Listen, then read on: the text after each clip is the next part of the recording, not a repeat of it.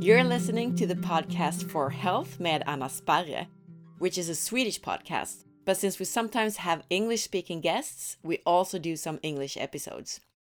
This is the English version of episode 216. It's an interview with Dr. Marcus Gitterle about carnosine, an anti aging substance in your body, in food, and in supplements. How are your mitochondria and your gut affected by carnosine? And how does carnosine reverse the damage done by sugar? For Swedish listeners, the previous episode, 216, is the main episode that podcast episode has Swedish summaries and explanations that could help you understand this subject even better.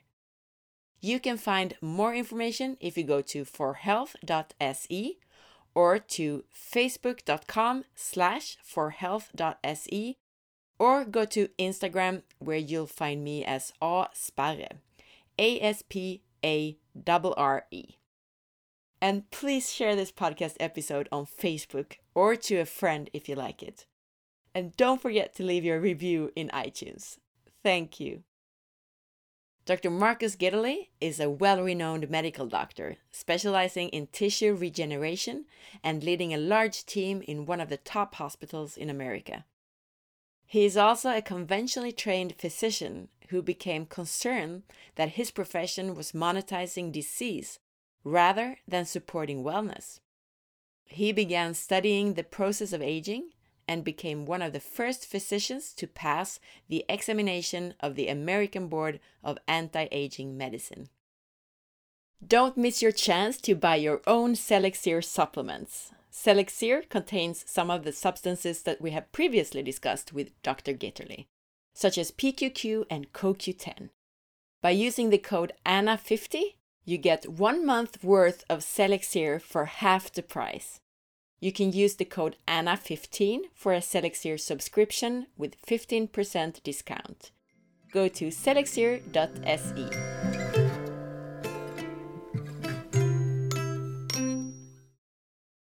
I think we want to focus today on a, just a tremendously exciting substance, carnosine, uh, it's just really uh, what's fascinating about carnosine is that that we've we've known about it uh, for quite a long time, but it just gets more impressive. Um, and that what this is what I love about you know this this subject in general, uh, Anna, is that um, we're really uh, you're focusing on you know in your work and I'm trying to focus on uh, in in uh, growing young in the book and in my work as a physician focusing on these f- such fundamental interventions um, that it's no surprise that the more we research them, the more impressive they look.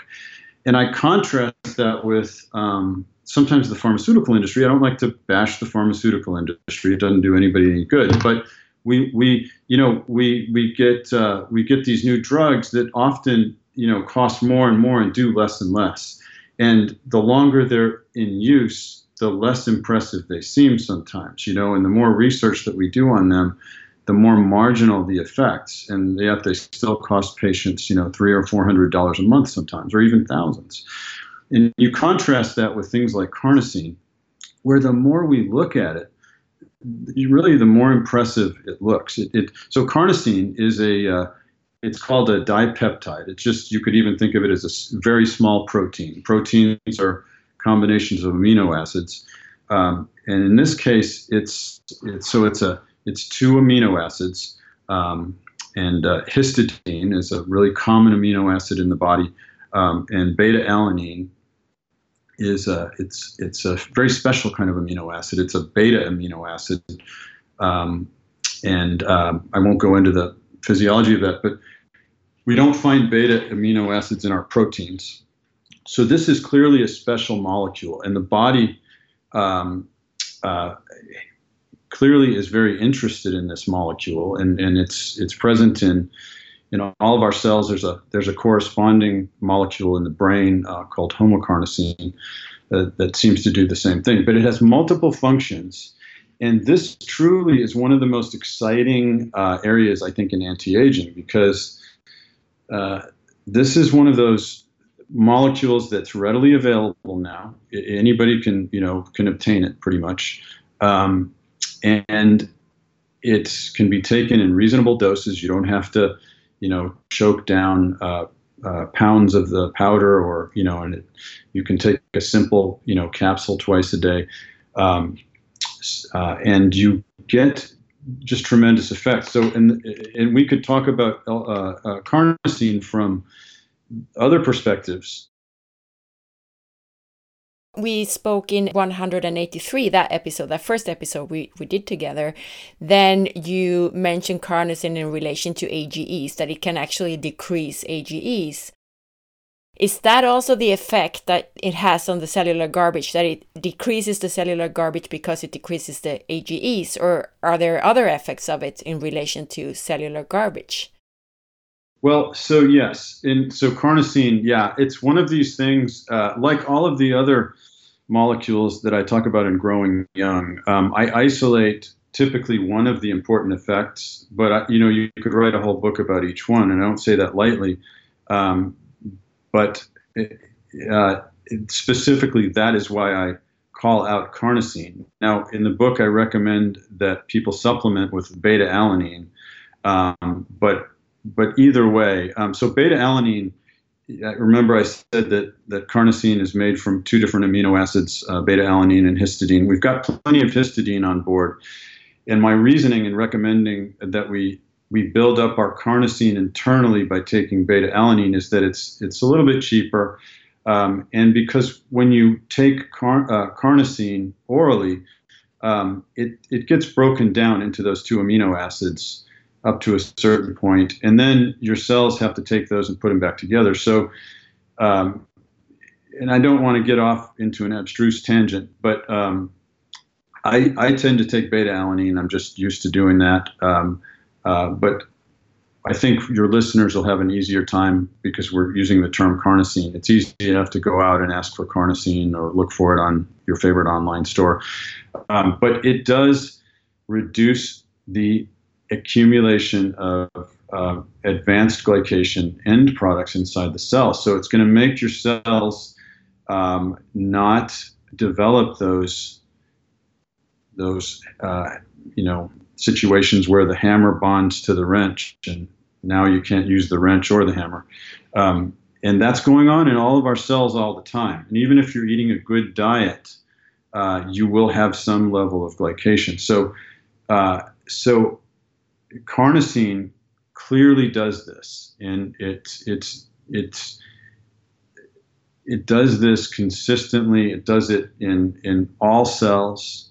Um, it does it in the brain, um, and we know more and more when we look at um, uh, the science of carnosine that it's not just preventing AGEs from accumulating. It's making cells do their functioning uh, function better.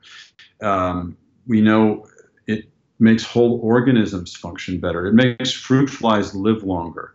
Um, you can literally take cultured aged cells in a petri dish and give them small amounts amounts of carnosine, similar to what we'd be taking orally, uh, and they actually appear visibly younger. Their function reverts to a more youthful status. Um, so it's not just like we're changing some parameter like AGEs, uh, and and and but it's not resulting in any net benefit. What is it that carnosine does with the AGEs? I mean, how can it reduce them? So, so one of the ways that it works is by acting as a um, a scavenging system. Um, so, um, you know, the we've got this process of glycation going on, um, and so carnosine can be kind of a sacrificial um, structure in the cell uh, that isn't, you know, doing anything else functionally. It's just going around and sort of um, absorbing that extra uh, glycating effect, you know, and, and sort of taking the hit uh, so that our, our uh, cellular proteins don't have to. It also, very importantly, it does much more. It, it, it is very good as a free radical scavenger. Um, you know, I talk about glutathione as the key free radical scavenger in our cells, but uh, but carnosine is a very effective antioxidant inside the cell. We did an episode about cellular energy in mitochondria, but does carnosine affect the mitochondria in any way? It does. It improves the function of mitochondria, um, and and I, some of the thinking is that it is because it's such an effective free radical scavenger that it reduces some of that mitochondrial smog burden because the mitochondria inevitably they're going to produce some pollution, uh, some free radicals. And so the more carnosine we have inside our cells, um, the more it's going to um, be able to scavenge and absorb those, take the hit from those free radicals and neutralize them. Um, and again, reduce that burden. So, really, it's a two pronged approach. We're not just reducing glycated protein production uh, and thus reducing that source of garbage. We're also reducing um, the, uh, it's, it's, a phenomenon called carbonylation of the proteins that attack on proteins by free radicals. So it's reducing two major, the two major sources of garbage that we're talking about. Uh, and it's probably why it is showing positive effects in such a broad range of diseases like diabetes, um, it, uh, atherosclerosis, um, kidney disease, um, uh, brain diseases like Alzheimer's. Um, all of these diseases really are sort of little windows into the aging process. They may not be part and parcel of aging by themselves, but they all are uh, manifestations of deranged aging in some way. And carnosine favorably uh, improves all of those disease processes. Very interesting. Very interesting. And the body is supposed to create to to make this carnosine itself, but we can enhance that by taking the the alanine, for example, to right. Yes. We can take beta alanine, uh, and, and and I recommend a modest amount. You know, one uh, uh, 500 milligrams to one gram a day. Um, many athletes take several grams a day. Um, uh, my wife and I take it as a uh, powder. It's a white, uh, nearly tasteless powder. You, can put it into uh, a water. I've taken it, you know, just mixed in water. Uh, it doesn't doesn't taste bad. Uh, and for the small amounts that I'm taking, you know, it certainly it's almost not even noticeable. Um, but you can take carnosine as well, and the recommended dose for carnosine is uh, 500 milligrams twice a day. That keeps your levels consistent. Um, and uh, the some of the thinking goes that um, there there's an enzyme uh, in the gut that will try to break down the carnosine that you eat, and some uh, researchers think that if you take more than 250 milligrams, you'll tie up that enzyme and it won't, it'll stop breaking down the carnosine. So if you're taking 500 milligrams, at least part of that won't get broken down. You know, uh, so again, we throw these numbers around, but the thinking is if you take more than 250 milligrams, you're maxing out that breakdown effect, and so the rest is going to be net carnosine. But the good thing is that even though you're breaking down that, uh, you know, some of that carnosine, those raw materials are going to circulate, and your cells are going to be able to make carnosine, or in the brain, homocarnosine, um, and carnosine levels will go up inside inside cells. We know that. It, we know it works very well. It's very well absorbed. Um, so either way, um, I, I, think this is an exciting uh, molecule. And uh, I really think that we're going to see more and more research showing benefits in the future. But can we get carnosine from food or alanine? I mean, are there any foods that are very rich in, in carnosine or alanine? Absolutely. So, uh, meat, uh, uh, red meat, and fish is uh, is rich in carnosine. Um, now, again, the thinking is that even with um, by traditional, you know, uh, consumption of, of, say, red meat or fish, um, you're not going to get more than about 250 milligrams a day.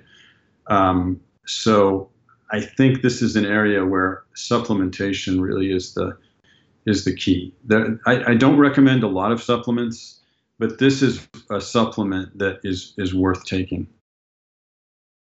Also, when it comes to the gut, many experts promote supplementing with zinc carnosine for many gut issues, especially to improve gut permeability or to decrease gut permeability. Do you have any experience or knowledge about zinc carnosine? I know that it's developing almost a cult following, um, and, and there there are many people who swear by it. They say that their their GI problems um, improve uh, with uh, zinc carnosine. I find it interesting, and uh, I I think we need to pay attention to this. This is another canary in the coal mine. I think An, another very high demand tissue in the body. You know that we're we're just running it full out all the time is the gut, and um, you know we know that the lining cells in the gut have to be replaced every 48 hours. Um, it's one of the reasons that people have such severe chemotherapy side effects uh, in the gut um, because those cells are very vulnerable because they're dividing so so frequently. Um, and so I think um, that we need to pay attention to these uh, these nutrients or these uh, interventions like carnosine that improve the efficiency um, of the cells, you know, in our gut. And so I'm not surprised, and I think uh, it's worth it's worth trying the zinc carnosine uh, because so many people are are are, are pointing out uh, that it seems superior. So the mechanism you believe is that it actually improves the efficiency in the the effect of the of the inside the cells. Well, it it may be um, more bioavailable. Um, you know, the zinc is also a very, uh, you know, very, very important uh, nutrient. Um, it's uh, I, I, utilize zinc uh, independently as a, as a nutrient in, in, wound healing and tissue regeneration. It's one of my baseline recommendations uh, for patients with uh, with non-healing wounds. Um, so there may be just a synergy going on between the zinc and the carnosine in cell physiology in the gut. Excellent. Thank you so much for all this information, both on cellular garbage and also on carnosine. You're quite welcome. I sure enjoy it, and uh, I look forward to uh, meeting you again.